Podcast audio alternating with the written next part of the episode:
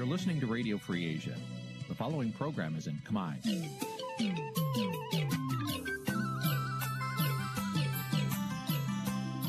នេះជាកម្មវិធីផ្សាយ Vuthu Azizi Serai នេះជាកម្មវិធីផ្សាយរបស់ Vuthu Azizi Serai ជាភាសាខ្មែរ Vuthu Azizi Serai សូមស្វាគមន៍លោកអ្នកនាងទាំងអស់ពីរដ្ឋធានី Washington នៃសហរដ្ឋអាមេរិក ចាប់ផ្សាយផ្ទាល់ពីរដ្ឋធានី Washington នាងខ្ញុំសុជីវីសូមជម្រាបសួរលោកអ្នកនាងកញ្ញាដែលកំពុងតាមដានការផ្សាយរបស់ Vuthu Azizi Serai ទាំងអស់ជាទីមេត្រី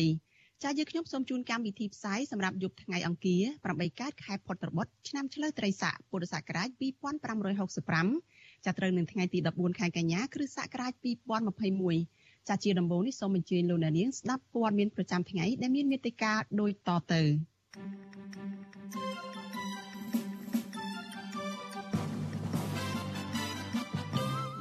ពលរដ្ឋចង់ឲ្យលោកហ៊ុនសែនស្ដារប្រជាធិបតេយ្យនិងសិទ្ធិមនុស្សក្រោយទទួលបានមេដាយសន្តិភាពស្នងការនគរបាលខេត្តកណ្ដាលដោះលែងពលរដ្ឋ21នាក់និងបញ្ជូន9នាក់ទៅតុលាការពាក់ព័ន្ធនឹងការបង្ក្រាបការតវ៉ាចំនួនដីធ្លីនៅតំបន់ប្រលានយន្តហោះថ្មីនីតិវេទិកាអ្នកស្ដាប់វិទ្យុអាស៊ីសេរីនឹងពិភាក្សាថាតើក្រុមហ៊ុន OCIC ពិតជាមិនអាចផ្ដល់សំណងដីធ្លីតាមតម្លៃទីផ្សារទៅឲ្យពលរដ្ឋនោះមែនដែរឬទេ រួមនឹងព័ត៌មានផ្សេងៗមួយចំនួនទៀត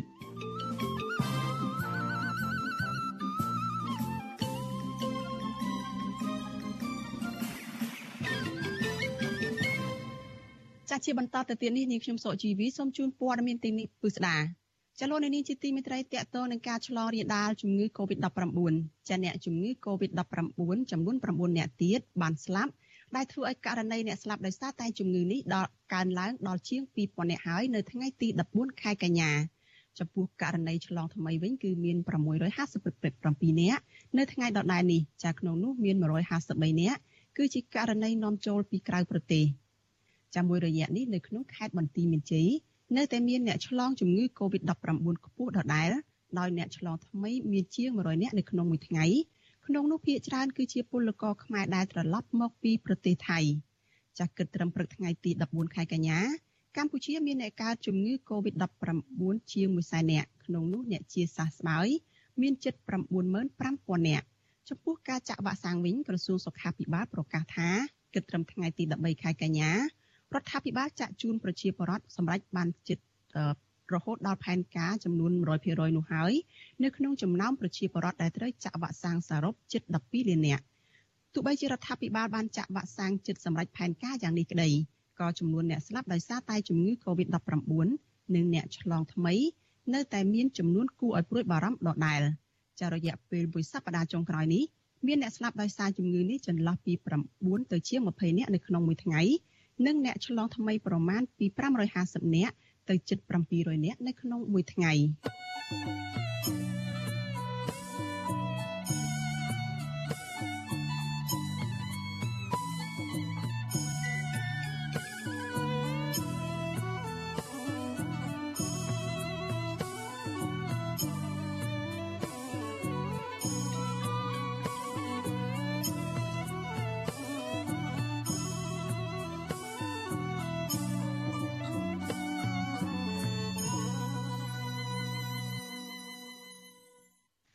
ចាលោកនាងកញ្ញាប្រិមិត្តជាទីមេត្រីចាតកតោនឹងចំនួនដីធ្លីនៅតំបន់កសាងប្រលានយន្តហោះថ្មីនៅក្នុងខេត្តកណ្ដាលឯនោះវិញចាស់ស្នងការខេត្តកណ្ដាលដោះលែងប្រជាពលរដ្ឋចំនួន20នាក់និងបញ្ជូន9នាក់ទៅតុលាការពាក់ព័ន្ធនឹងការបង្ក្រាបតវ៉ារឿងចំនួនដីធ្លីនៅតំបន់ប្រលានយន្តហោះថ្មីនេះចាអ្នកនាំពាក្យសមាគមការពារសិទ្ធិមនុស្សអាត6លោកសឹងសែនករណា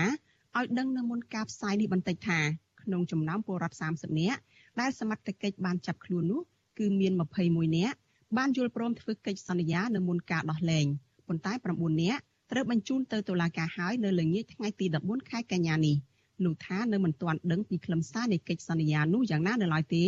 ព្រោះនីតិវិធីនៃការដោះលែងកំពុងតែដំណើរការចារីអ្នកដែលសមត្ថកិច្ចបញ្ជូនទៅតុលាការដើម្បីសាកសួរនោះក៏លោកនៅមិនទាន់ដឹងថាជាប់សង្ស័យពីបទអ្វីឲ្យច្បាស់លាស់នៅឡើយដែរ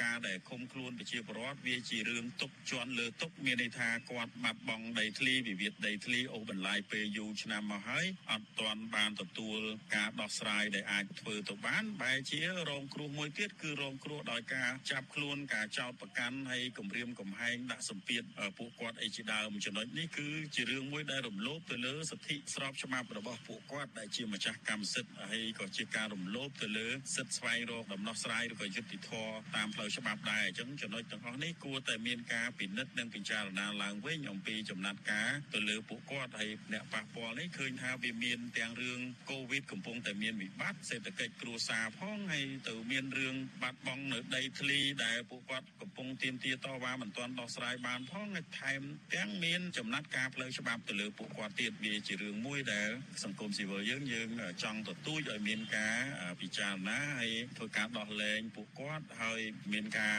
អប់រំឬក៏បញ្ឈប់កុំឲ្យគាត់មានការប្រើប្រាស់ហិង្សាបែបហ្នឹងបន្តទៀតអីចឹងទៅយើងយល់ថាវាជារឿងល្អប្រសើរជាងចាកាលពីថ្ងៃទី12ខែកញ្ញាកម្លាំងនគរបាលនិងកងរាជអាវុធហត្ថខេត្តកណ្ដាលប្រមាណ300នាក់ប្រដាប់ដោយខែនិងដំបងបានប្រើហិង្សាទៅលើប្រជាពលរដ្ឋដែលមានចំនួនដីធ្លីប្រមាណ100នាក់នៅក្នុងភូមិកំពង់តាឡុងឃុំបឹងខ្យាងស្រុកកណ្ដាលស្ទឹងខេត្តកណ្ដាលឲ្យរងរបួសជាច្រើននាក់និងចាប់ខ្លួនប្រជាពលរដ្ឋ30នាក់ ចាហេតុការណ៍នេះកើតឡើងក្រោយពេលដែលពលរដ្ឋនាំគ្នាដុតសម្រាមនៅខាងមុខរនាំងដែកបិទផ្លូវរបស់កងកម្លាំងសមត្ថកិច្ចចាដើម្បីទីមទីឲ្យអាជ្ញាធរបើកផ្លូវឲ្យពួកគាត់អាចចូលទៅមើលដីស្រែរបស់ពួកគាត់ដែលត្រូវក្រុមហ៊ុន OCIC របស់លោកអុកញ៉ាពុងខៀវសែដែលស្និទ្ធនឹងលោកនាយរដ្ឋមន្ត្រីហ៊ុនសែននោះបានឈូសឆាយបំផ្លាញចោលដើម្បីយកដីទៅសាងសង់ប្រលានយន្តហោះថ្មីខ្នាតអន្តរជាតិប៉ុន្តែពួកគេត្រូវសមត្ថកិច្ចហាមឃាត់មិនឲ្យពួកគាត់ចូលទៅ ចាតតទៅនឹងរឿងនេះសាលាខេត្តកណ្ដាលបានចេញសេចក្តីប្រកាសព័ត៌មានមួយដែលចោទប្រកាន់ប្រជាពលរដ្ឋថាគឺជាអ្នកដែលបង្កឲ្យមានអំពើហិង្សាមានប្រើដំបងគប់ដុំថ្មបាញ់ចំពីមកៅស៊ូនិងគប់ដបសាំងដាក់កម្លាំងសមត្ថកិច្ចឲ្យរងរបួស13នាក់ទើបនាំឲ្យមានការប្រើកម្លាំងបំបែកពលរដ្ឋនិងចាប់ខ្លួនមនុស្ស30នាក់អញ្ញាធិអំពីវនីឲ្យប្រជាពលរដ្ឋបញ្ឈប់សកម្មភាពខុសច្បាប់ទាំងឡាយហើយងាកចូលមកដោះស្រាយបញ្ហានោះដោយសន្តិវិធី ចាត់ថ្មីបើមានការដោះលែងអ្នកភូមិនៅថ្ងៃនេះប៉ុន្តែអ្នកភូមិមួយចំនួនកំពុងបន្តរត់គេចនិងលាក់ខ្លួនមិនហ៊ាននៅផ្ទះទេព្រោះភ័យខ្លាចសមត្ថកិច្ចនិងអាជ្ញាធរដែលបានព្យាយាមតាមស្វែងរកពួកគេដោយសង្ស័យថាជាតំណាងពលរដ្ឋនិងនាំគ្នារៀបចំឯកសារផ្តិតស្នាមមេដៃនិងថតចម្លងប្លង់ដីគ្រោងដាក់ញត្តិរោគដំណោះស្រាយទៅស្ថាប័នរដ្ឋនៅក្នុងរាជធានីភ្នំពេញនៅដើមសប្តាហ៍នេះ។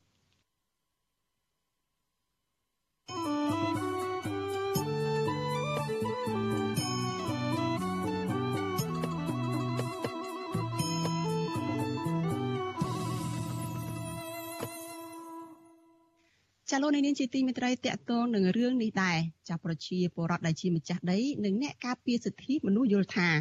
សមត្ថកិច្ចដែលមានជាអាជ្ញាធរនោះនឹងក្រុមហ៊ុន OCIC របស់លោកអុកញ៉ាពុងខៀវសែ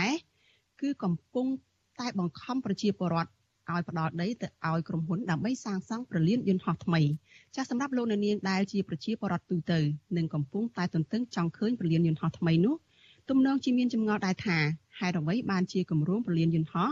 ដែលមានទំហំទឹកប្រាក់ដល់ទៅជាង1500លានដុល្លារនោះ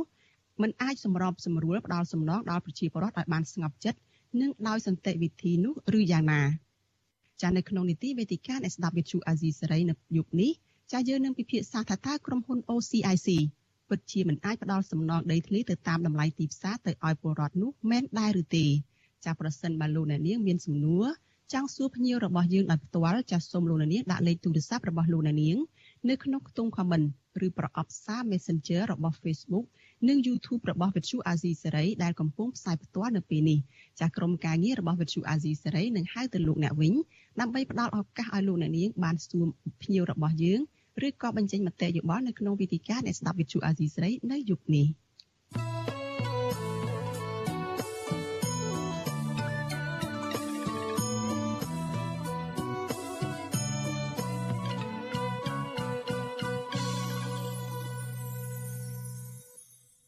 ចាលោកនាងជាទីមេត្រីសេចក្តីរាយការណ៍តកតនឹងលោកនាយរដ្ឋមន្ត្រីហ៊ុនសែនចាដែលលោកទើបតែទទួលបានមេដាយសន្តិភាពនៅពេលថ្មីថ្មីនេះវិញម្ដងចាប្រជាប្រដ្ឋមួយចំនួនចង់ឲ្យលោកនាយរដ្ឋមន្ត្រីហ៊ុនសែនស្ដារប្រជាធិបតេយ្យនិងគោរពសិទ្ធិមនុស្សឡើងវិញក្រោយពេលដែលលោកបានទទួលមេដាយសន្តិភាពពីកិច្ចប្រជុំកំពូលសន្តិភាពពិភពលោកឆ្នាំ2021ចាចំណែកអ្នកខ្លំមើលហៅមេដាយនោះថាជាមេដាយប្រជាពិធដ្ឋបោកប្រាស់ប្រជាពលរដ្ឋ ចាសសូមស្ដាប់សេចក្តីរាយការណ៍របស់លោកមានរិទ្ធអំពីរឿងនេះការដែលពលរដ្ឋមួយចំនួនមិនបានឲ្យតម្លៃមេដាយសន្តិភាពរបស់លោកនាយរដ្ឋមន្ត្រីហ៊ុនសែនដែលទើបតែទទួលបាននៅពេលថ្មីៗនេះព្រោះពួកគាត់បានដឹងច្បាស់ថាលោកហ៊ុនសែនគឺជាមេដឹកនាំដែលបានបំផ្លាញលទ្ធិប្រជាធិបតេយ្យនិងរំលោភសិទ្ធិមនុស្សធ្ងន់ធ្ងរយុវជនគណបកសង្គ្រោះជាតិខេត្តបាត់ដំបងលោករុនចន្ទធី ថ្លែងថាមេដាយសន្តិភាពនេះមិនបានឆ្លុះបញ្ចាំងពីស្ថានភាពកម្ពុជាពិតប្រាកដនោះទេព្រោះលោកថាសង្គមសពថ្ងៃនេះនៅតែពោពេញដោយអំពើអសន្តិសុខអំពើចោរកម្មថ្នាំញៀននិងពលរដ្ឋទទួលរងនឹងការធ្វើទុកបុកម្នេញឥតឈប់ឈរពីសំណាក់ក្រុមអ្នកមានអំណាចជាដើមលោកជឿជាក់ថាពលរដ្ឋកម្ពុជាមិនត្រេកអរនឹងមេដាយបែបប្រជាពិធដ្ឋនេះទេ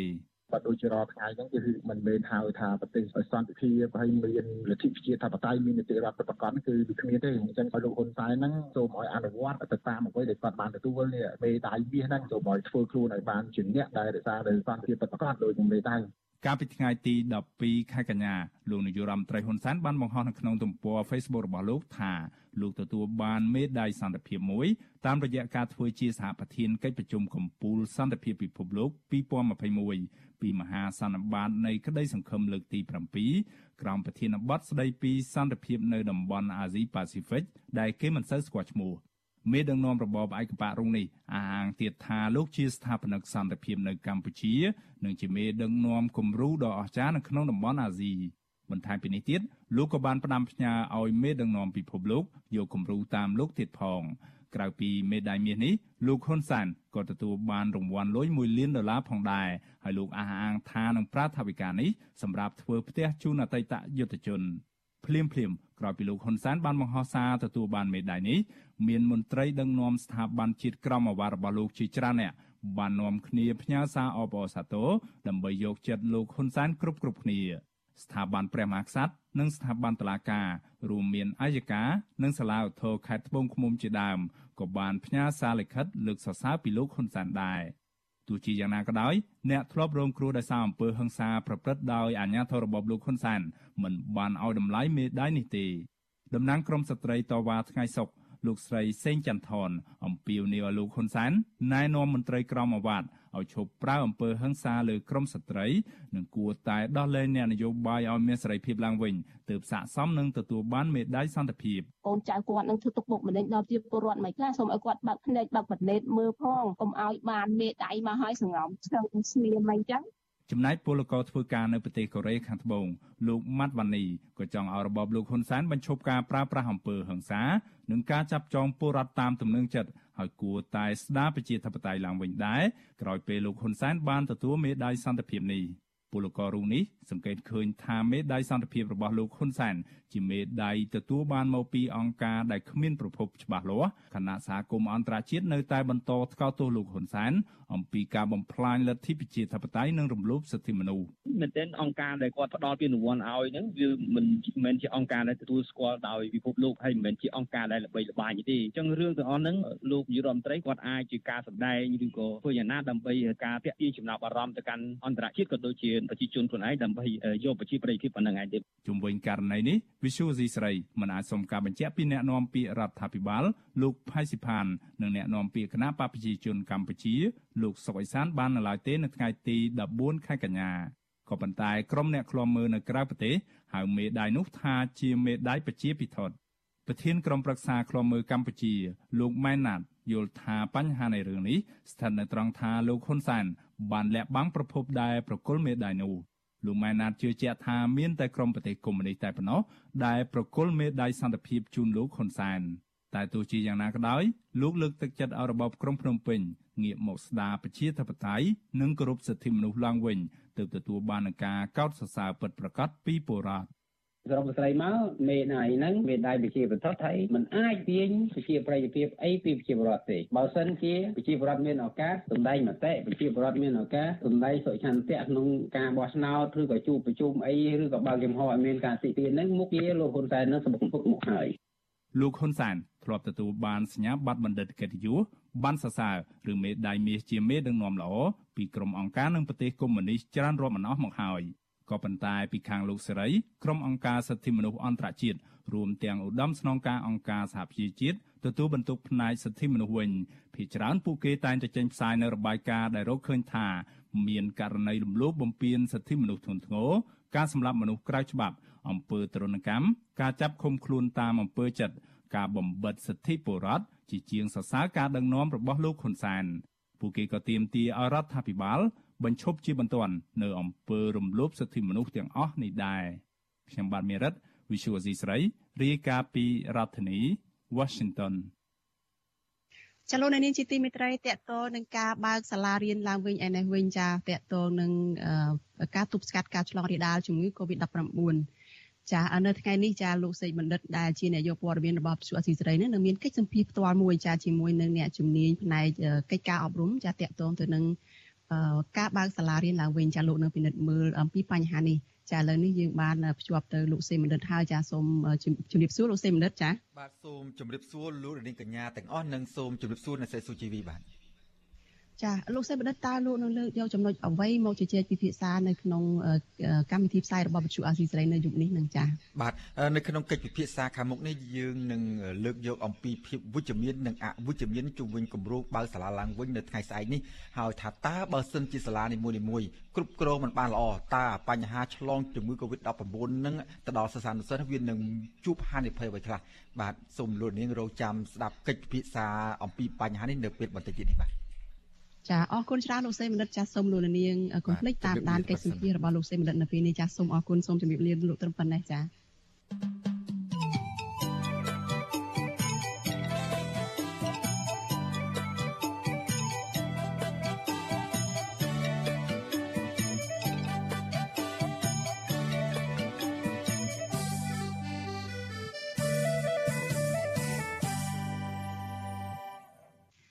ចាលោកនាងជាទីមេត្រីរឿងរ៉ាវដាច់ដライមួយទៀតចាសង្គមស៊ីវិលស្នើដល់អាជ្ញាធរពាក់ព័ន្ធឲ្យអនុវត្តច្បាប់ឲ្យបានតឹងរឹងទៅលើជនជាតិចិនចំនួន14នាក់ដែលត្រូវចាប់ខ្លួននៅឯខេត្តព្រះសីហនុដើម្បីបង្កើនចំនួនចិត្តនិងផ្ដល់សេចក្តីសុខសวัสดิភាពដល់ប្រជាពលរដ្ឋចាការលើកឡើងនេះបន្ទាប់ពីអាជ្ញាធរនៅក្នុងខេត្តនេះបានចាប់ខ្លួនជនជាតិចិនទាំងនោះពីបទបង្ខាំងមនុស្សដោយខុសច្បាប់ជំរិតទាប្រាក់និងប្រើប្រាស់អាវុធដោយគ្មានការអនុញ្ញាត ហើយកើតហើយករណីបែបនេះគឺតែងតែកើតឡើងជាបន្តបន្ទាប់ចាសសូមស្ដាប់សេចក្តីរាយការណ៍របស់លោកមួណារ៉េតអំពីរឿងនេះអ្នកសិក្សានឹងខ្លំមើលសង្គមមិនភ្ញាក់ផ្អើលនឹងមន្ត្រីរដ្ឋាភិបាលលោកហ៊ុនសែនដែលនៅចិញ្ចឹមចិត្តតាមធ្វើទុកបុកម្នេញសកម្មជនបកប្រឆាំងរហូតដល់ទឹកដីថៃនោះទេព្រោះនេះអាចជាយុទ្ធសាស្ត្របន្លាចនិងបង្អើលបែបវាយបណ្ដាលចរចាបណ្ដាល អ្នកខ្លាំមើលការអភិវឌ្ឍសង្គមលោកបណ្ឌិតសេងសេរីថាសកម្មជននយោបាយខ្មែរដែលរត់ភៀសខ្លួនទៅប្រទេសថៃតាមធម្មតាទទួលបានកិច្ចគាំពៀពីស្ថាប័នសិទ្ធិមនុស្សនិងអង្គការសហប្រជាជាតិនៅក្នុងឋានៈជាជនភៀសខ្លួនដោយសារតែការធ្វើទុកបុកម្នេញផ្នែកនយោបាយពីប្រទេសរបស់ខ្លួនលោកបន្តថាបើភៀកគីថៃ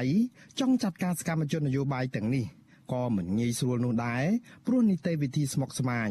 ហើយភាគីថៃក៏មិនចង់រងសម្ពាធឬក៏ការរិះគន់ពីសហគមន៍អន្តរជាតិរឿងសិទ្ធិជនភៀសខ្លួនផ្នែកនយោបាយនេះដែរបើយើងមើលនីតិវិធីវាពិបាកដោយសារតែពួកគាត់ដែលសកម្មនៅក្នុងការរិះគន់រដ្ឋាភិបាលបច្ចុប្បន្នដែលជាយុវជនគណៈបក្សសង្គ្រោះជាតិហ្នឹងគឺគាត់ជាពលរដ្ឋរបស់ UN ដែរគាត់ជាជនភៀសខ្លួននយោបាយអញ្ចឹងហើយរដ្ឋាភិបាលថៃហ្នឹងមុននឹង ចាត់ការទៅលើពួកគាត់ហ្នឹងក៏ត្រូវតែពិភាក្សាជាមួយ UN ដែរពួកគាត់មានឋានៈជាពលរដ្ឋរបស់អង្គការសិទ្ធិជាតិវាមិនមែនជាពលរដ្ឋរបស់កម្ពុជាតែម្នាក់ទៀតដែរតែតែមួយមុខទៀតដែរហើយខ្ញុំមើលទៅរបៀបក្នុងការឆ្លើយរដ្ឋាភិបាលថៃទៅលើរដ្ឋាភិបាលកម្ពុជានេះគ្រាន់តែជាតិចនិចការទូតមួយដើម្បីធ្វើម៉េចឲ្យភាគីខាងកម្ពុជានឹងសប្បាយចិត្តសមចិត្តភាគីកម្ពុជាតែប៉ុណ្ណោះប៉ុន្តែជានីតិវិធីពិតប្រាកដហ្នឹងខ្ញុំមើលទៅរដ្ឋាភិបាលថៃនឹងមិនចាត់ការរឿងហ្នឹងទេបាទ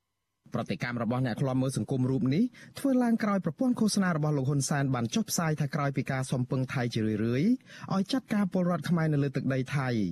រដ្ឋមន្ត្រីក្រសួងយុតិធធថៃលោកសុំសាក់ទេពសុធិនសន្យាថារដ្ឋាភិបាលថៃនឹងពិនិត្យលទ្ធភាពនឹងចាត់វិធានការផ្លូវច្បាប់ឲ្យបានតឹងរឹងលើក្រុមប្រឆាំងណាមួយដែលយកទឹកដីថៃដើម្បីធ្វើសកម្មភាពប្រឆាំងឬក៏ជាប្រមាថថ្នាក់ដឹកនាំខ្មែរ ដូចគ្នានេះដែរយុវជនដែលជាសកម្មជនគណៈបកប្រឆាំងនឹងកំពុងភៀសខ្លួននៅប្រទេសថៃនិងសកម្មនៅក្នុងការធ្វើនយោបាយតាមបណ្ដាញសង្គមថាសាររបស់ប្រព័ន្ធឃោសនារបស់លោកហ៊ុនសែនដែលអះអាងអំពីការសន្យារបស់អាជ្ញាធរថៃលើចំណាត់ការលើសកម្មជនខ្មែរនេះមិនមានអធិបុលអ្វីឲ្យថៃចាត់ការនោះឡើយព្រោះពួកលោកគ្មានធ្វើអ្វីខុសច្បាប់ដោយការចោទប្រកាន់របស់របបលោកហ៊ុនសែននោះដែរ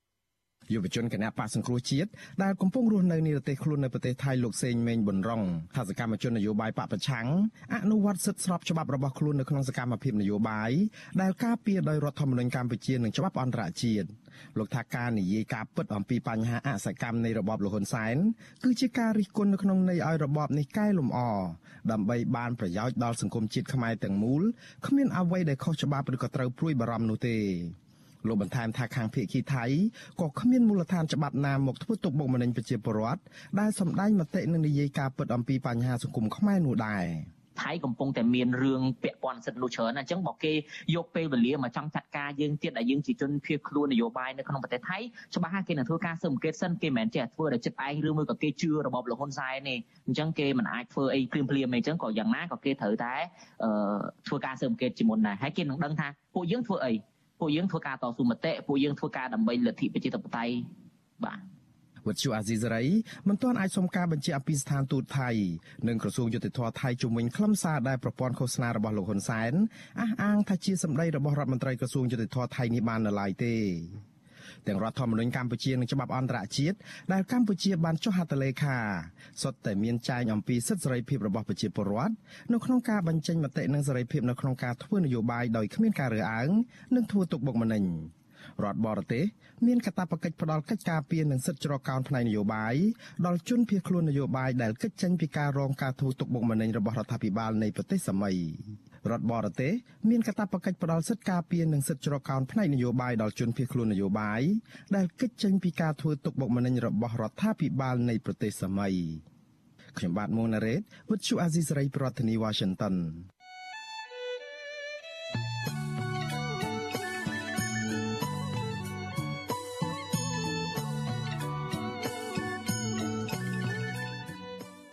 ចាលោកអ្នកនាងជាទីមេត្រីដំណើរគ្នានឹងការផ្សាយតាមបណ្ដាញសង្គម Facebook និង YouTube នេះចាលោកអ្នកនាងក៏អាចស្ដាប់ការផ្សាយរបស់វិទ្យុ AZ សេរីតាមវិទ្យុរលកធាតុអាកាសខ្លី SW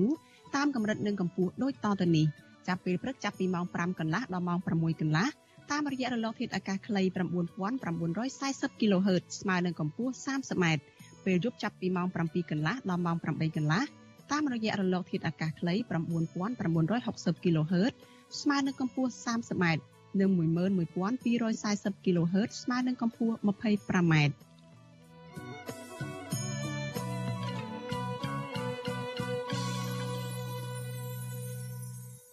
ចាលោកនាងជាទីមេត្រីចាប់ព័ត៌មានប្រចាំថ្ងៃរបស់វិទ្យុអាស៊ីសេរីដែលជំរាបជូនដល់នាងខ្ញុំសុជីវីនៅពេលនេះចាប់តែប៉ុណ្ណេះចាជាបន្តទៅទៀតនេះគឺជាវេទិកាអ្នកស្ដាប់វិទ្យុអាស៊ីសេរី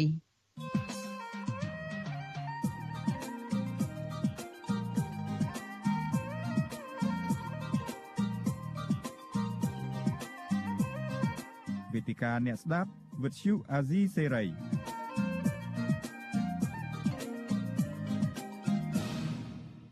ចា៎នេះខ្ញុំសុជីវីសូមជម្រាបសួរជាថ្មីដល់លោកអ្នកនាងដែលកំពុងតាមដានការផ្សាយរបស់វិទ្យុអាស៊ីសេរីទាំងអស់ជាទីមេត្រីចានៅក្នុងយុគនេះចាវេទិកាដែលស្ដាប់វិទ្យុអាស៊ីសេរីនឹងជជែកពិភាក្សាថាតើក្រុមហ៊ុន OCIC របស់លោកអុកញ៉ាពុងខីសែដែលកំពុងតែអភិវឌ្ឍកសាងពលានយន្តហោះថ្មីនោះ ពិតជាពុំអាចផ្ដល់សំណងសមរម្យទៅឲ្យប្រជាពលរដ្ឋដែលជាម្ចាស់ដីនោះដែរឬទេចានៅក្នុងកម្មវិធីរបស់យើងនៅយុគនេះចាយើងមានភ្ញៀវចំនួន2រូបចាគឺមានអនុប្រធានគណៈបកសុខាជាតិគឺលោកស្រីមូសុហួរនិងលោកវ៉ាន់សុផាតដែលជាមន្ត្រីសម្របសម្រួលផ្នែកទូរកិច្ចនិងសិទ្ធិមនុស្សនៃមជ្ឈមណ្ឌលសិទ្ធិមនុស្សកម្ពុជាចាអ្នកទាំងពីរចូលមកជជែកនៅក្នុងកម្មវិធីផ្សាយរបស់យើងនៅពេលនេះចាតាមរយៈប្រព័ន្ធវីដេអូ Skype ចាលោកនាងជាទីមេត្រីទាំងប្រជាពលរដ្ឋនិងម្ចាស់ជាម្ចាស់ដីរួមនឹងក្រុមអង្គការសង្គមស៊ីវិលអ្នកការពារសិទ្ធិមនុស្សផងលើកឡើងថាករណីចំនួនដីធ្លីរវាងប្រជាពលរដ្ឋនិងក្រុមហ៊ុន OCIC នៅតំបន់កសាងពលានយន្តហោះថ្មីនៅឯស្រុកកណ្ដាលស្ទឹងខេត្តកណ្ដាលនិងស្រុកបាទីខេត្តតាកែវនោះគឺអាជ្ញាធរនិងក្រុមហ៊ុនកំពុងតែនាំគ្នារំលោភបំពានយកដីរបស់ប្រជាពលរដ្ឋដោយពុំបានផ្ដល់សំណងសមរម្យឡើយ ចានៅក្នុងករណីនេះចាលោកអ្នកនាងក៏មានចម្ងល់ដែរថាតើហេតុអ្វីបានជារឿងនេះមិនអាចសម្របសម្រួលដោះស្រាយបញ្ហានេះបានដោយសន្តិវិធីនៅពេលដែលក្រុមហ៊ុន OCIC របស់លោកអង្ញាពងគីសែននឹងគឺមានទុនអភិវឌ្ឍនោះរហូតដល់ទៅ1000ជាង1500លានដុល្លារឯណោះចាកន្លងមកនឹងប្រជាប្រដ្ឋលើកឡើងថាអញ្ញាធរហើយនឹងក្រុមហ៊ុននឹងបានទៅចរចាជាមួយប្រជាប្រដ្ឋនឹងដើម្បីឲ្យផ្ដល់ដីទៅឲ្យក្រុមហ៊ុននឹងនៅក្នុងតម្លៃ8ដុល្លារនៅក្នុង1ម៉ែត្រការ៉េ ហើយនឹងមានជំរើសមួយទៀតនោះគឺការបដូរដីប៉ុន្តែប្រជាប្រដ្ឋមិនបានយល់ព្រមចំពោះអ្វីដែលក្រុមហ៊ុនបានផ្ដល់ឲ្យនោះទេគឺតែងតែចេញមុខតវ៉ាជានិច្ចរហូតដល់មានករណីចាប់ខ្លួនប្រជាពលរដ្ឋហើយនឹងមាន9នាក់កំពុងតែត្រូវអាជ្ញាធរនោះបញ្ជូនទៅតុលាការផងចាឥឡូវនេះនេះខ្ញុំបានឃើញលោកជំទាវមូសុខួរចាហើយនឹងលោកវ៉ាន់សុផាតហើយចាសូមជម្រាបសួរអ្នកទាំងពីរពីចម្ងាយចាចាជម្រាបសួរចាចាអឺ នេះខ្ញុំសូមចាប់ដើមកិច្ចពិភាក្សានេះពីលោកវ៉ាន់សុផាតទៅចាយើងបានពិភាក្សាគ្នាម្ដងហើយកាលពីសប្តាហ៍មុននៅថ្ងៃអង្គារអញ្ចឹងដែរនៅក្នុងវេទិកានៃស្ដាប់វិទ្យុអាស៊ីសេរីអញ្ចឹងដែរហើយកាលនោះលោកវ៉ាន់សុផាតក៏បានលើកឡើងពីការគិតគិតលេខសាឡបងគិតលេខថាតើគម្រោងរបស់ក្រុមហ៊ុន OCIC នឹងចំណេញប្រមាណខាតប្រមាណប៉ឺសិនបើគាត់ផ្ដល់ សំណងទៅឲ្យប្រជាពលរដ្ឋទៅតាមតម្លៃទីផ្សារដែលប្រជាពលរដ្ឋបានលើកឡើងថាចន្លោះពី60ដុល្លារទៅដល់ជាង100ដុល្លារនៅក្នុង1ម៉ែត្រការ៉េនៅដីនៅតំបន់ដែលកំពុងតែសាងសង់ពលានយន្តហោះនេះលោកវ៉ាន់សុផាតបានគិតគូរបានគុណលេខនឹងច្រើនណាស់ហើយក៏បានរកឃើញតួលេខមួយចំនួនចង់ឲ្យលោកវ៉ាន់សុផាតរំលឹកឡើងវិញបន្តិចថាតើទំហំទឹកប្រាក់ដែលក្រុមហ៊ុនត្រូវផ្ដល់ឲ្យប្រជាពលរដ្ឋនឹងប្រមាណទៅហើយ តើក្រុមហ៊ុនអាចនឹងមានលទ្ធភាពផ្ដល់ឲ្យប្រជាពលរដ្ឋដែរទេចា៎បាទសូមអរគុណចំពោះសំណួរដ៏មានអត្ថន័យនេះហើយមុននឹងចាប់ផ្ដើមខ្ញុំនឹងបង្ហាញនៅតួលេខខ្លះដែលខ្ញុំបានគិតជាលក្ខណៈសាមញ្ញធម្មតាដែលប្រជាពលរដ្ឋធម្មតាក៏គាត់គិតឃើញដែរបាទនិយាយទៅថ្នាក់បឋមក៏គេអាចគិតឃើញដែរពីតួលេខ តនន័យអដែងដែលកណនីអដែងតកតងទៅនឹងប្រាក់សំណងនេះណាប៉ុន្តែខ្ញុំចង់ចាប់ផ្ដើមពីដំបូងសិននិយាយពី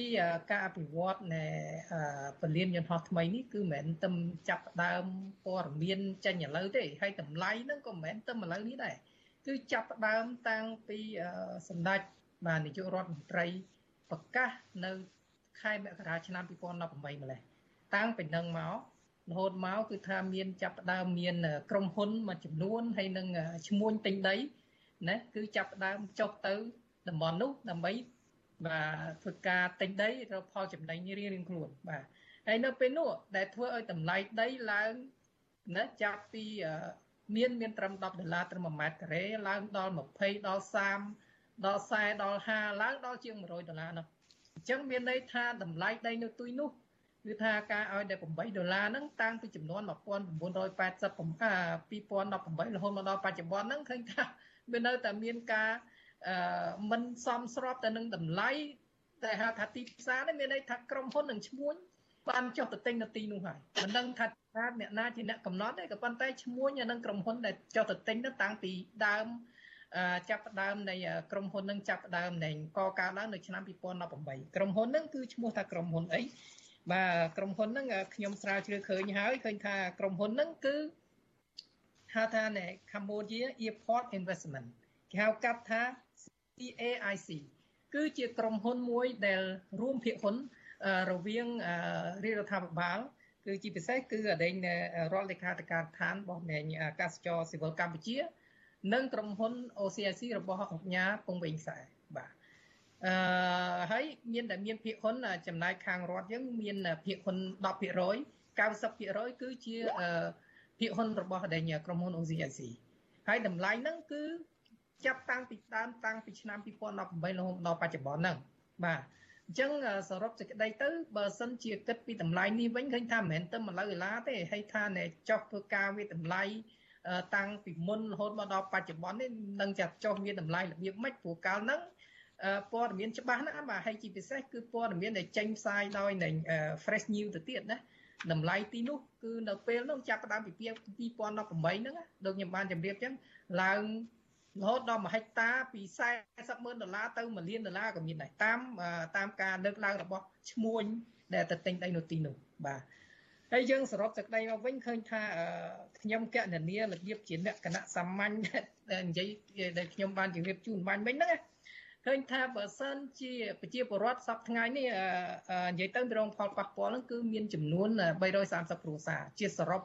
ប៉ុន្តែក្នុងហ្នឹងក៏មានប្រជាពលរដ្ឋមួយចំនួនដែលអាចទទួលដែលគាត់បានទទួលការយល់ព្រមដោះស្រាយអញ្ចឹងវាអត់នៅនៅថេ133គ្រួសារហ្នឹងទេ130គ្រួសារហ្នឹងទេ មានអាចតួលេខអាចចុះជាងនឹងទៅទៀតបាទ ហើយបើសរុបទៅបើសិននៅសរុប330គ្រួសារហ្នឹងសរុបទឹកសរុបដីដីរបស់គាត់ទៅជាការប៉ាន់ប្រមាណទៅឃើញថា100ជាង166ហិកតាបើគិតទៅជាង1លានម៉ែត្រការ៉េណាមានជាង1លាន6 6សែនម៉ែត្រការ៉េអញ្ចឹងណាបាទហើយបើសរុបទឹកប្រាក់ទៅបើសិនជា8ដុល្លារមែនគឺក្រុមហ៊ុនត្រូវចំណាយតែជាង13លានដុល្លារទេបាទ ជាតែជាង13លានដុល្លារទេណាយើងយើងគណនាតាមហ្នឹងណាបាទហើយបើសិនជា80ដុល្លារតាមការទៀមទារបស់ជាពលរដ្ឋគឺក្រុមហ៊ុនត្រូវចំណាយ113លានដុល្លារជាង113លានដុល្លារណាបាទសរុបមកអញ្ចឹងទៅសរុបទៅបើនិយាយពីប្រាក់វិនិយោគរបស់គាត់វិញតកតង1500លានដុល្លារ1500លានដុល្លារសហរដ្ឋអាមេរិកហ្នឹងគឺដំណាក់កាលដំបូងឯង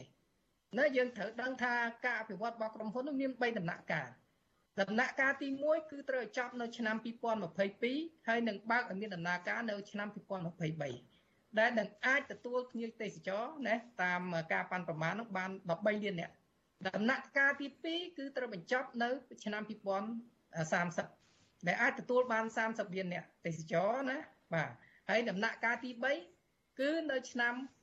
2050 ណាដែលទទួលនឹងអាចប៉ាន់ប្រមាណថាទទួលបានភ្ញៀវទេសចរហ្នឹង50លាននាក់បាទឃើញទេ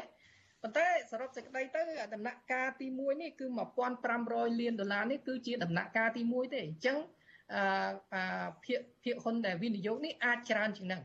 ប៉ុន្តែបើសរុបទឹកប្រាក់បើសិនជាផ្ដំព្រមដល់សំណង8ដុល្លារតាមការនៃស្នើសុំរបស់ជីវរដ្ឋហ្នឹងណាគឺមានតិចតួចណាស់នៃ នៃប្រាក់ដែលវិនិយោគគ្រាន់តែជំហានទី1ឯងគឺជាងតែ8%ទេបាទហើយការវិនិយោគនេះយើងគិតទៅគម្រោងពលានយន្តហោះថ្មីនេះគេហៅថាគម្រោងយៈណាគម្រោងពលានយន្តហោះយៈបើនិយាយទៅធ្វើឲ្យដាច់គេឲ្យលើសគេនៅតំបន់អាស៊ីនេះទៀតណាតែគម្រោងហ្នឹងបាទអញ្ចឹងមិនមែនធ្វើធម្មតាប្រហែលទេបាទហើយគម្រោងនេះគឺថាធំដុំណារហូតដល់មានតែ ទទួលយន្តហោះដែលចុះនឹងຂະណាតយៈណាអាចឆ្លងទ្វីបបានហើយអញ្ចឹងមើលទៅដូចមាសអញ្ចឹងហើយបើនិយាយពីការនៅនៅតំបន់ជុំវិញដែលទីពលានយន្តហោះហ្នឹងគឺថាវាអាចមានការប៉ាន់ប្រមាណថានឹងអាចคล้ายទៅជាតំបន់ណាឧស្សាហកម្មទៅជាតំបន់សេដ្ឋកិច្ចពិសេសហើយមានដែលការអភិវឌ្ឍណាជាបន្តបន្ទាប់ ហើយជាពិសេសគឺតកតងទៅនឹង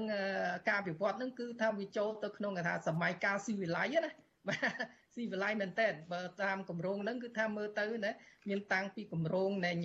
សងសាងសង់ផ្ទះល្វែងណាតែ Kendo អីនឹងជុំវិញហ្នឹងអឺមានជាបន្តបន្ទាប់រហូតដល់មកដល់បច្ចុប្បន្ននេះយើងដឹងហើយថាក្រុមហ៊ុនឡម៉ង់ឡាន Mercedes ដែលថ្លៃបំផុតហ្នឹង ឃើញទេតំណហ្នឹងគឺតំណភ្ជាប់ផ្លូវ60ម៉ែត្រហ្នឹងណាពីបឹងតំពុនហ្នឹងទៅអដែងពលានយន្តហោះហ្នឹងតាមផ្លូវហ្នឹង60ម៉ែត្រហើយណាឃើញទេហើយទៅទៅផ្លូវជាតិលេខ2ហ្នឹងក៏មានការធ្វើការជា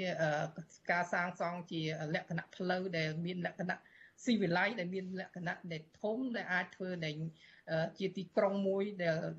ស៊ីវិល័យមែនតើហើយសរុបសេចក្តីមកចុះប្រជាពលរដ្ឋដែលរងផលប៉ះពាល់ចំនួន ជាង300គ្រួសារនេះ រហូតមកដល់បច្ចុប្បន្ននេះបែរជាគាត់ហេតុអីបានធ្វើទុកវេទនាគាត់ដល់ប៉ុណ្ណឹងគ្រាន់តែដោះស្រាយបញ្ចប់ដោយប្រើតែលុយតែ8បាទជាង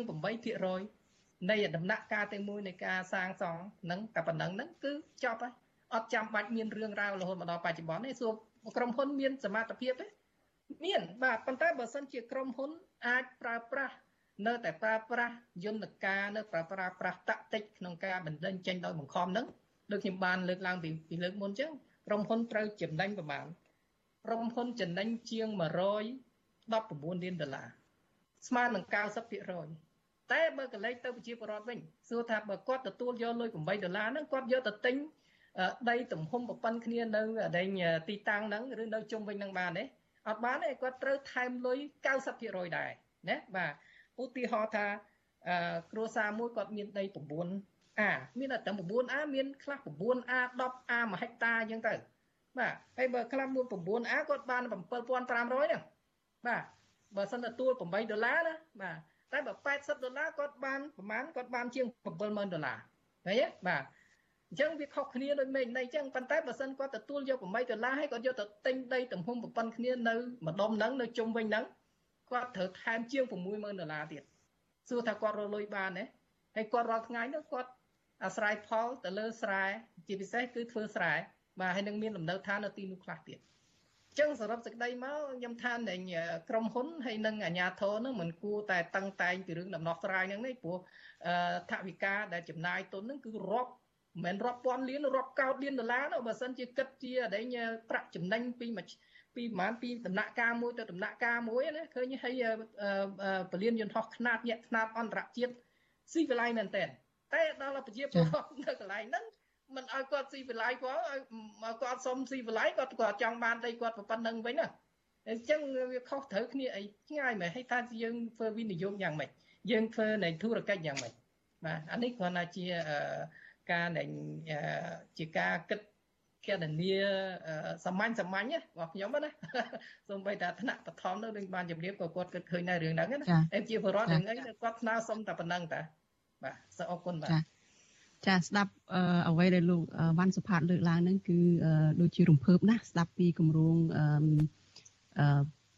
ពលានយន្តហោះថ្មីຂະຫນាតយក្សຂະຫນាតអន្តរជាតិនេះក៏ប៉ុន្តែ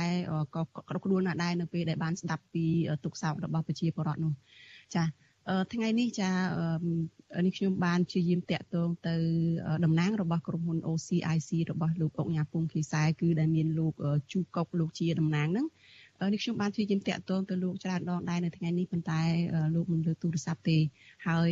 អ្វីដែលយើងចង់ដឹងពីខាងក្រុមហ៊ុននោះគឺយើងចង់សាកសួរបញ្ជាក់ថាតើក្រុមហ៊ុនអាចនឹងចេញមកចរចាជាមួយនឹងប្រជាពលរដ្ឋបញ្ចប់ចំនួនដីធ្លីនេះបានដែរឬទេហើយដោយអ្វីដែលលោកវ៉ាន់សុផាតបានលើកអញ្ចឹងគឺ ក្រុមហ៊ុនទំនងជាអាចនឹងមានលទ្ធភាពនៅក្នុងការផ្ដល់សំណងទៅឲ្យប្រជាពលរដ្ឋនឹងឲ្យបានសមរម្យហើយបើយើងនិយាយអំពីគម្រោងខ្នាតយក្សបែបនេះគួរតែអាជ្ញាធររដ្ឋាភិបាលនឹងគួរក៏គួរតែស្ដាប់សម្ដីរបស់ប្រជាពលរដ្ឋដែរនេះបើតាមអ្វីដែលលោកបានសុផាតបានលើកឡើងមិញចា៎ ចាងាកទៅលោកជំទាវមូសុហួរវិញចាលោកជំទាវមូសុហួរគឺជាអនុប្រធានគណៈបកសង្គ្រោះជាតិនឹងកន្លងមកលោកជំទាវបានខ្នះខ្នែងពីរឿងដាក់លិខិតអីតវ៉ាទៅខាងរដ្ឋាភិបាលនៃប្រទេសកាណាដាតាក់ទងទៅនឹងអាជីវកម្មរបស់ក្រុមហ៊ុន OCIC របស់លោកពុកញ៉ាពុងខៀវសែននឹងនៅប្រទេសកម្ពុជា ចាលោកជំទាវតើ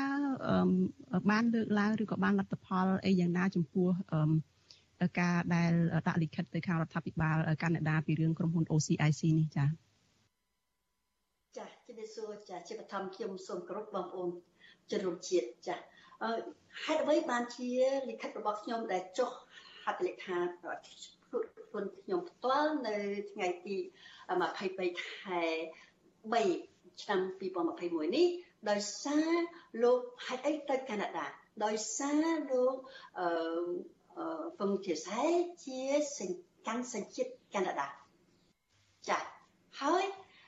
យើងដឹងថានៅប្រទេសកាណាដាជាប្រទេសមួយដែលគេគោរពសិទ្ធិមនុស្សណាចា ហើយនៅក្នុងគោលការណ៍អភិវឌ្ឍយើងក៏ត្រូវតែនិយាយឲ្យច្បាស់លាស់នៅអ្វីដែលរដ្ឋាភិបាលលោកហ៊ុនសែនបានចុះទៅហត្ថលេខាជាមួយឲ្យកិច្ចព្រមព្រៀងជាមួយអង្គការសហប្រជាជាតិដែលមានគម្រោងធំស្ដីអំពីការអភិវឌ្ឍគោលដៅអភិវឌ្ឍជារភាពយ៉ា នៅក្នុងគោលដៅអភិវឌ្ឍជារភាពនេះគេនិយាយអំពីការអភិវឌ្ឍដែលធ្វើឲ្យមានការជឿនលឿនក៏ប៉ុន្តែអត់មានការប៉ះពាល់ទៅដល់បរិស្ថានការប៉ះពាល់ទៅដល់សិទ្ធិមនុស្សការប៉ះពាល់ទៅដល់ការអប់រំផាសុខភាពហើយអាកាសធាតុទៅដល់អឺស្ថានតាំងពីទឹកទន្លេបឹងបួទាំងអស់នេះ ត្រូវតែយកមកដាក់នៅក្នុងគម្រោងនៃការអភិវឌ្ឍហេតុអ្វីដែលខ្ញុំដាក់ទៅជូនទៅដល់ក្រសួងកិច្ចការបរទេសហើយខ្ញុំបាននិយាយផ្ទាល់ជាមួយតំណាងនៃក្រសួងកិច្ចការបរទេសនៃប្រទេសកាណាដាផងខ្ញុំបានផ្ញើលិខិតរបស់ខ្ញុំផងដោយសារខ្ញុំនិយាយអំពីការយើងត្រូវតែនិយាយអំពីការអភិវឌ្ឍមួយដែលកាណាដាក៏គេឯកភាពដែរ មិនអាចប៉ះពាល់ជាដាច់ខាតទៅលើសិទ្ធិមនុស្សមិនអាចប៉ះពាល់ទៅដាច់ខាតទៅលើការការអភិវឌ្ឍមួយដែលមានពៀតជារភាពចា៎ហើយខ្ញុំសូមអោយរដ្ឋាភិបាលកាណាដាមើលទៅចូលរួមផងជាមួយនឹងករណីអង្គក្រុមហ៊ុន OCIC មិនមែនតែនៅក្នុងកម្មគម្រោង Samsung ទីលាន អន្តរជាតិនេះទេអាកាសយានអន្តរជាតិនេះទេ មានតាំងពីនៅកោះពេជ្រខ្ញុំរំលឹកតាំងពីនៅកោះពេជ្រខ្ញុំរំលឹកឥឡូវហ្នឹងកំពុងតែចាក់ដីសម្បើមកប៉ះពាល់ទៅដល់បឹងតមោកប៉ះពាល់ទៅដល់កោះនរាកោះមាសអីនោះពីពេញទាំងអស់វាប៉ះពាល់ទៅដល់បរិស្ថានហើយកាណាដាគឺជាប្រទេសមួយដែលគេមានការការពារខ្លាំងណាស់ពីរឿងបរិស្ថាននេះចា៎ ហើយខ្ញុំសូមឲ្យចុងក្រោយទៅខ្ញុំសូមឲ្យប្រទេសកាណាដាដាក់លោកពងធីនសែនៅក្នុងបញ្ជីខ្មៅរបស់កាណាដាចា៎លោកពងភាសាគាត់ជាជនជាតិកាណាដាហើយដូច្នេះគាត់មានវីសាគាត់មិនបាច់ទៅទៅយកធ្វើវីសាទៅប្រទេសកាណាដាក៏ប៉ុន្តែគាត់មានទ្រព្យសម្បត្តិរបស់គាត់នៅប្រទេសកាណាដាយើងទៀតទៀតឲ្យមានការសើរើសើឡើងវិញ នៅអ្វីដែលប៉ះពាល់ទៅដល់ធ្ងន់ធ្ងរណាស់ទៅដល់សិទ្ធិមនុស្សសិទ្ធិរស់នៅរបស់ពលរដ្ឋការចាត់ចងពលរដ្ឋរបៀបនេះការធ្វើបាបពលរដ្ឋរបស់នេះរហូតទៅដល់បើសិនជាដកដីពីគាត់តែដីដីជាជាជីវិតដកដីពីគាត់តែគាត់ទៅសត់អីការអភិវឌ្ឍយើងមិនមែនអឺបដិសេធមិនឲ្យមានការអភិវឌ្ឍទេក៏ប៉ុន្តែត្រូវតែឈរលើគោលការណ៍ហើយលើពីនេះទៅទៀតយើងនៅប្រទេស កម្ពុជា មានច្បាប់ទី1មានរដ្ឋធម្មនុញ្ញដែលចែងអំពីរស់រៀនមានជីវិតចារស់រៀនមានជីវិតមានន័យថាចំពោះប្រជាពលរដ្ឋមុនគេគឺដីធ្លីថាឲ្យគាត់ទៅដេញធ្វើឲ្យធ្វើស្រែចម្ការនៅឯណានៅលើអាកាសបើសិនជាយកស្រែចម្ការគាត់ទៅហើយបើយកផ្ទះគាត់ទៅឲ្យគាត់ទៅបើសំផ្ទះនៅឯណានៅលើអាកាសយ៉ាងម៉េចចាដូច្នេះយើងត្រូវតែនិយាយឲ្យច្បាស់ ថាទ្រព្យសម្បត្តិរបស់លោកពឹងខៀវសែនៅកាណាដាក៏ត្រូវតែប្រទេសកាណាដាដែលមានច្បាប់ Magnitsky ដូចគ្នានៅដូចជានៅសហរដ្ឋអាមេរិកដែរត្រូវតែមើលឲ្យមានការបើសិនជាគាត់ដកដីពីពលរដ្ឋយើរដ្ឋាភិបាលកាណាដាក៏ត្រូវតែបង្កកទ្រព្យសម្បត្តិរបស់គាត់ដែរចា៎យើងអត់ចង់ឲ្យឃើញថាមានការអភិវឌ្ឍមួយដែលបំពេញទៅលើច្បាប់ទេច្បាប់ប្រទេសកម្ពុជាយើងមានច្បាប់ភូមិបាល ឲ្យពលរដ្ឋយើងសិតតែមានប្លង់រឹងទោះបីអត់មានប្លង់រឹងក៏ដោយក៏យើងត្រូវតែពិចារណាមានច្បាប់មួយទៀតនិយាយពីច្បាប់អសមកចា៎នៅប្រទេសណាក៏មានគេសាងរដ្ឋាភិបាលសាងសង់ដែរសាងសង់នេះសាងសង់នោះក៏ប៉ុន្តែច្បាប់នីមួយនីមួយគេការពារគេការពារឲ្យពលរដ្ឋមានសិទ្ធិចូលរួមយកជាយើងមើលលោកគាត់បានលើកមកនៅតម្លៃ តើតម្លៃនឹងប្រមាណប្រមាណប្រមាណហ្នឹងតើនៅក្នុងគម្រោងនេះតើពលរដ្ឋមានបានឱកាសអីណាទៅចូលរួមដើម្បីជជែកទេអត់មានតើមានធ្វើការអឺអឺវិភាគស្រាវជ្រាវអំពីការផលប៉ះពាល់ទៅដល់បរិស្ថានទេបើសិនជាមានមែនគឺមិនមែនមានមិនឲ្យក្រុមហ៊ុននឹងធ្វើដោយខ្លួនឯងទេដូច្នេះ ក្រុមហ៊ុនការពារហ្នឹងហើយក៏ក្រសួងពាក់ព័ន្ធដូចជាក្រសួងបរិស្ថានមានដែរមកមើលឯកភាពជាមួយពលរដ្ឋទេមិនតែទេជាងតម្លាភាពនៃគម្រោងនីមួយៗការរំលោភលើច្បាប់របស់ប្រទេសខ្លួនឯងនេះគឺជាការមួយដែលយើងមិនអាចទទួលយកបានទេនៅក្នុងការសំណងណាយើងមើលក្នុងរឿងសំណងច្បាប់សមក អ្វីហៅថាតម្លៃទីផ្សារដុំសំរុំអាចមិនថាទីផ្សារ1ម៉ែត្រការ៉េរាប់ពាន់ដុល្លារទេយើងអាចពិធូបបន្ថយគ្នាបានក៏ប៉ុន្តែវាត្រូវតែធ្វើឲ្យពលរដ្ឋនោះទៅទិញទៅតែផលដែលគាត់បានមកវិញនៅអានឹងដូចជាការដោះដូរគ្នាអញ្ចឹងបើសិនជាយើងយកពីគាត់យើងយកមាសពីគាត់ហើយយើងសងទៅវិញទៅឲ្យគាត់យើងសង អាកន្លែងហ្នឹងតែគាត់យកអញ្ចឹងឲ្យមិនថាសំរុំកើតវាមិនសមរម្យសំខាន់អរគុណច្រើនចាចាអរគុណច្រើនលោកទីមួយសួរចាយើងបន្តកិច្ចពិភាក្សានឹងទៅទៀតជាមួយលោកវ៉ាន់សុផាតលោកវ៉ាន់សុផាតនៅពេលនេះក្រមអាជ្ញាធរនឹងបានចេញមុខមកចាត់វិធានការផ្សេងផ្សេងជាមួយនឹងប្រជាពលរដ្ឋរហូតដល់មានការបញ្ជូនខ្លួនប្រជាពលរដ្ឋ9នាក់ នៅតំបន់អភិវឌ្ឍនឹងទៅតុលាការថែមទៀតផងដូច្នេះពួកគាត់អាចប្រឈមនឹងមានទោសទណ្ឌអីចឹងទៅនៅក្នុងចំនួនដីធ្លីដែលជាដីរបស់ពួកគាត់សោះនោះចាលោកបានសុផាតបើយើងពិនិត្យមើលដោយដែលលោកជំទាវមូសុខួរបានលើកឡើងអញ្ចឹងគឺមានប្រវត្តិក្រុមហ៊ុន OCIC នេះបានរំលោភបំពានដីប្រជាពលរដ្ឋសម្រាប់ការអភិវឌ្ឍខ្លួនឯងនឹងច្រើនកន្លែងមកហើយហើយក៏មាន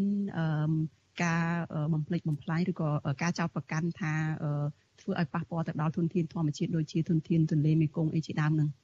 តែបើយើងងាកទៅក្រុមហ៊ុនអីផ្សេងទៀតដែលស្និទ្ធនឹងមេដឹកនាំរដ្ឋាភិបាលក្រុងភ្នំពេញបច្ចុប្បន្ននេះមានដូចជាក្រុមហ៊ុនដែលកសាងវិរិយអគិសនីនៅឯសេសានក្រោមពីរបស់លោកអុកញ៉ាគិតមេងក្រុមហ៊ុនរបស់លោកអុកញ៉ាឡៅមីងឃីនដែលអភិវឌ្ឍតំបន់បឹងកក់ ក្រុមហ៊ុនរបស់លោកស្រីសុយសុផានអភិវឌ្ឍតំបន់អឺបូរីកេឡាហើយនឹងក្រុមហ៊ុន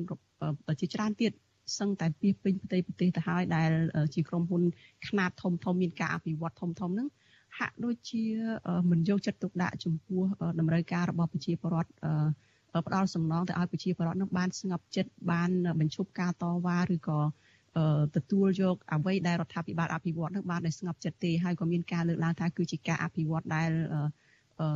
អភិវឌ្ឍទៅលើទឹកភ្នែករបស់រាជចាដូចជាករណីនៅឯសេសានក្រោម2អីចឹងគឺមានការបើកទឹកលិចផ្ទះប្រជាពលរដ្ឋ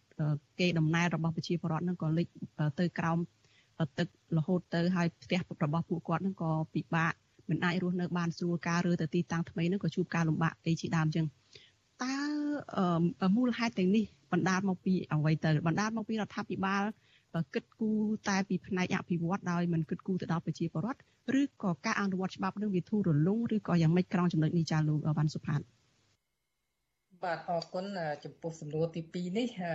ជាពិសេសខ្ញុំចង់លើកឡើងអំពីថាច្បាប់និយាយពីច្បាប់របស់យើងថាយើងមានស្រាប់ហើយហ្នឹងណាបាទអឺជាពិសេស និយាយទៅច្បាប់របស់យើង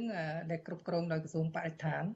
មានន័យថាច្បាប់ការពារបរិស្ថានហ្នឹងគឺតម្រូវឲ្យមានការវិតម្លៃហេតុប៉ះពាល់បរិស្ថាន និងសង្គមជាមុននិងមុននឹងផ្ដល់អាជ្ញាប័ណ្ណដល់ក្រុមហ៊ុនវិនិយោគឯមួយហើយក្នុងការធ្វើអដែងការវិតម្លៃហេតុប៉ះពាល់បរិស្ថានហ្នឹងគេរួមបញ្ចូលទាំងការដែលបន្ថែមនៅគម្រោងណាដែលកាត់បន្ថយការប៉ះពាល់ណាឲ្យបានជាជាអតិបរមា ចំពោះបរិស្ថានហើយនឹងការរស់នៅរបស់ប្រជាពលរដ្ឋត្រូវមានគម្រោងច្បាស់លាស់បាទអឺប៉ុន្តែបច្ចុប្បន្ននេះយើងឃើញថាតើនៃក្រុមហ៊ុនទាំងអស់ខ្នាតយៈទាំងអស់ហ្នឹងមានវាតម្លៃហេតុប៉ះពាល់បរិស្ថានទេអឺសួរថាមានអត់បាទកន្លែងហ្នឹងយើងពិបាកនឹងឆ្លើយប៉ុន្តែខ្លះខ្ញុំឃើញមានខ្ញុំឃើញមានមែនបាទមានហើយប៉ុន្តែតាមច្បាប់ទោះបីជាមិនទាន់មានក៏ដោយអឺ ក្នុងគណៈដែលការអភិវឌ្ឍនឹងធ្វើមុនដែលច្បាប់បរិស្ថាននឹងចេញជាធរមានក៏ត្រូវតែតម្រូវឲ្យធ្វើសារឡើងវិញដែរហើយដែលតម្រូវឲ្យមានការវាតម្លៃហេតុប៉ះពាល់បរិស្ថាននេះគឺដើម្បីជៀសវាងនឹងការប៉ះពាល់បរិស្ថានហើយនឹងប្រជាពលរដ្ឋនិងសង្គមហ្នឹងហើយប៉ុន្តែផ្ទុយទៅវិញអឺឃើញចេះតែមានការនៃផ្ដល់អាជ្ញាប័ណ្ណឲ្យដល់សួរនិយាយពីអដែង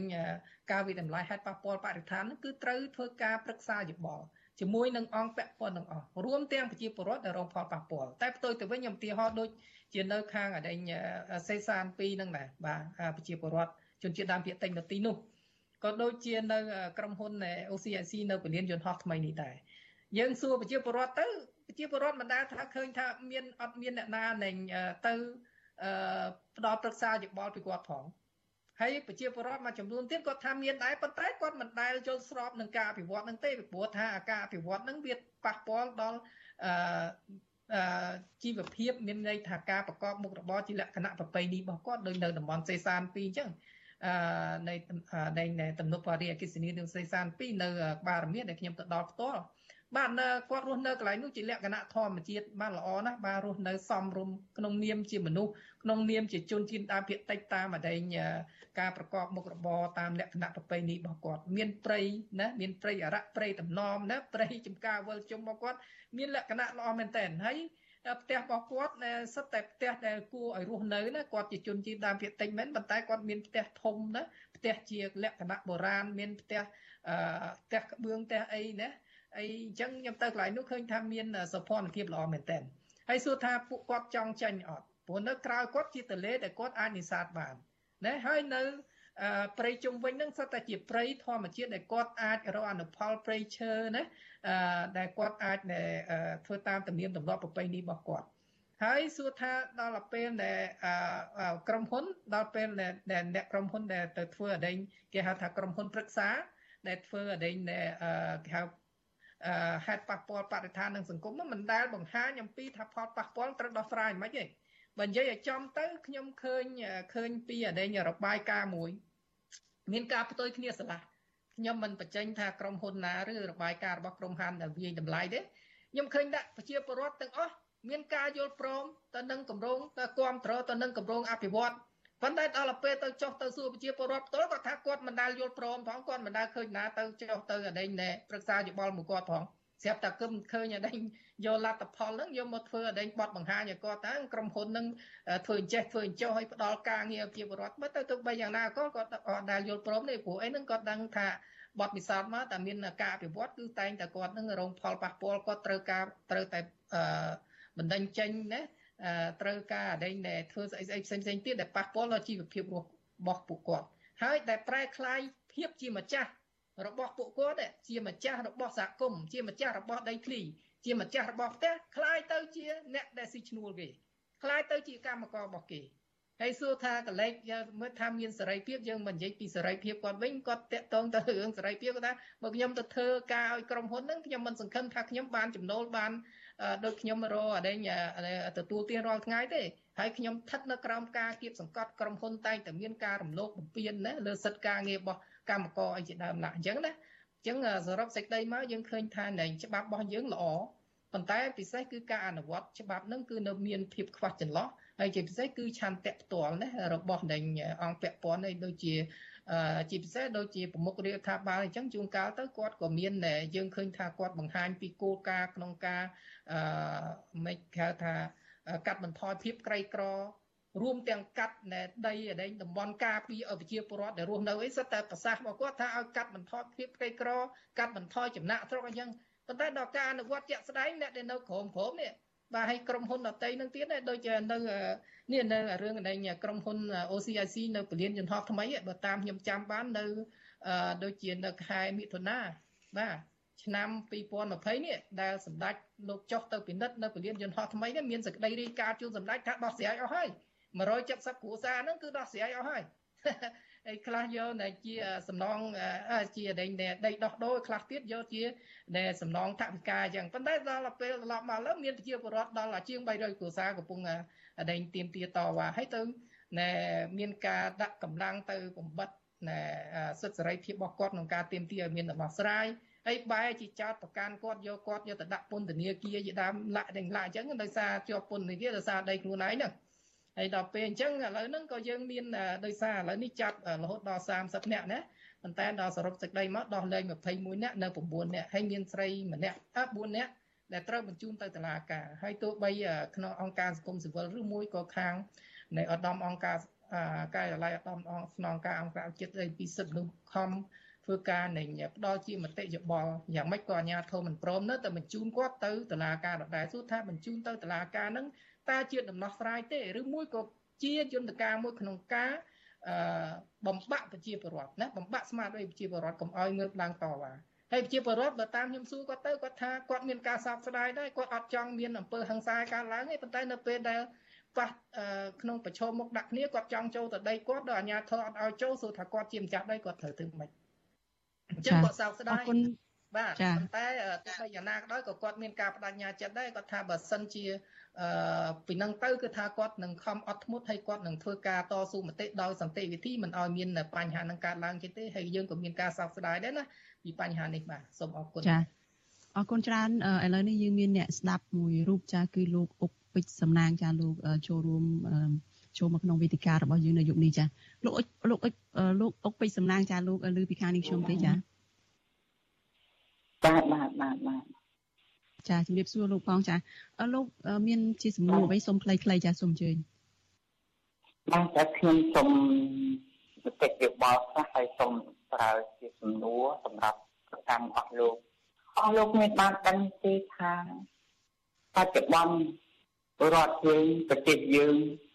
ដឹកនាំដោយភាពអនាមិកហើយក្នុងតម្លៃនៃការអសិលធម៌ក្នុងការដឹកនាំហើយអស់លោកនៅបញ្ចើបញ្ជូពេលវេលានេះ កលៈទេសៈនេះហើយទម្រង់នេះសម្រាប់ឲ្យគេជាប់ជាវិជានេះអីទៀតអស់លោកមិនវាស់តម្លៃនេះទុកគឺជូនអង្គការសហជីវជាតិខាងផ្នែកសិទ្ធិមនុស្សឲ្យគេជួយវែកញែកឲ្យទៅហើយអស់លោកនៅបន្តអីជំនាញចំណងអីរបៀបហ្នឹងនឹងហើយជាមតិរបស់ខ្ញុំចង់សួរទៅកាន់អស់លោកខាងផ្នែកច្បាប់បាទអរគុណចាអរគុណច្រើនលោកអុកពីសំណាងចាអឺយើងចិត្តចា យើងចិត្តអស់ពេលទៅហើយចាសូមងាកទៅលោកជំទាវមួយសុខួរខ្លីៗចាលោកជំទាវតើសង្ឃឹមដែរទេថាអាចមានដំណើរការដូចជាករណីកន្លងមកនឹងសហរដ្ឋអាមេរិកនឹងគឺថាមានករណីបង្កកទ្រព្យសម្បត្តិមេឈ្មួញធំនៅកម្ពុជាលោកទ្រីភិបនឹងហើយនឹងក្រុមហ៊ុនរបស់លោកមួយចំនួនហើយនឹងការបង្កកទ្រព្យសម្បត្តិក្រុមហ៊ុនមួយចំនួនទៀតដែលពាក់ព័ន្ធនឹងលោកគុណគីមនាពេលកន្លងមកនឹងដែល ប្រកាសដោយរដ្ឋាភិបាលសហរដ្ឋអាមេរិកនេះតើរដ្ឋាភិបាលកាណាដានោះលោកស្រីលោកជំទាវសង្ឃឹមថាយ៉ាងម៉េចចា៎យើងរឿងដែលយកកាត់ពិតណាមុននឹងយើងខ្ញុំនិយាយអ្វីក៏ដោយគឺយើងយករបាយការណ៍មិនត្រឹមតែរបាយការណ៍នៅក្នុងប្រទេសទេរបាយការណ៍នៅអន្តរជាតិយកមកជូនទៅដល់រដ្ឋាភិបាលរបស់គេដូច្នេះយើងខ្ញុំអត់ដកថយទេនៅក្នុងរឿងដែលដាក់ឲ្យមានបញ្ជីខ្មៅនេះជាមួយនឹងលោកអញ្ញា ពឹងភិភិភាសាចាក្នុងការនេះយើងសូមឲ្យមានការយើងមិនគួរនិយាយថាអនុគ្រោះជូនទៅដល់ពលរដ្ឋទេមិនមែនដូច្នេះបើអនុគ្រោះមិនមែនថាពលរដ្ឋជាអ្នកខុសទេចា